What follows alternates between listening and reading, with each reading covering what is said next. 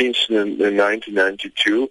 Well, when uh, exactly with the same political steps by issuing the passports uh, to the local population in Georgia's two regions, Abkhazia and South Ossetia, by issuing the passport, Russia declared those people living on the territories as their citizens and then invaded with its uh, military power in order to protect the rights of its citizens. So it is exactly the same scenario which happened in 20 years ago in Georgia now, and afterwards was once again repeated in 2008. Hy het die hoop uitgespreek dat die westerse wêreld die situasie op 'n diplomatieke manier kan oplos. I hope at this stage uh, Western power and European Union and the United States will clearly see uh, what is the Russians' long-term goals, and I think they'll find all possible diplomatic, I would say, resources to stop this, to stop this occupation and stop this policy. Marashvili waarsku egter dat tyd nie aan die kant is van Oekraïne of enige land wat hulle sou wou bystaan nie.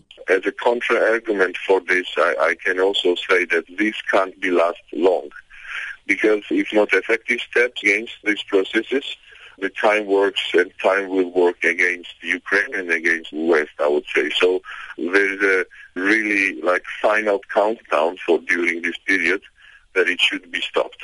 Hy sê uit 'n georgiese perspektief hou hulle die situasie fyn dop omdat dit die hele Swart See streek raak. Well, if it lasts longer, of course, it will impact not only Georgia, but I would say whole Black Sea region. Because first of all, Ukraine is our very important trade partner. I expect that uh, it will have some kind of impact on export and import uh, costs and prices.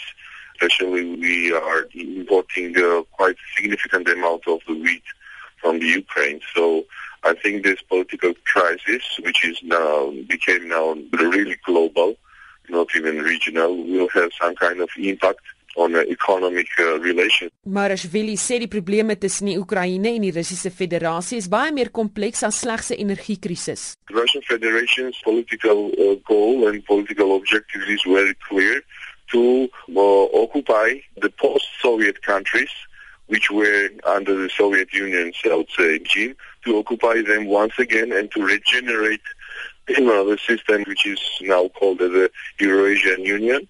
Uh, well, Georgia, as you know, is a corridor between the west and the east, and we have quite important transnational pipelines. It all it all concerns to the energy security of European Union, and this is why Russia worries about issues. So this is very complex and systematic issues.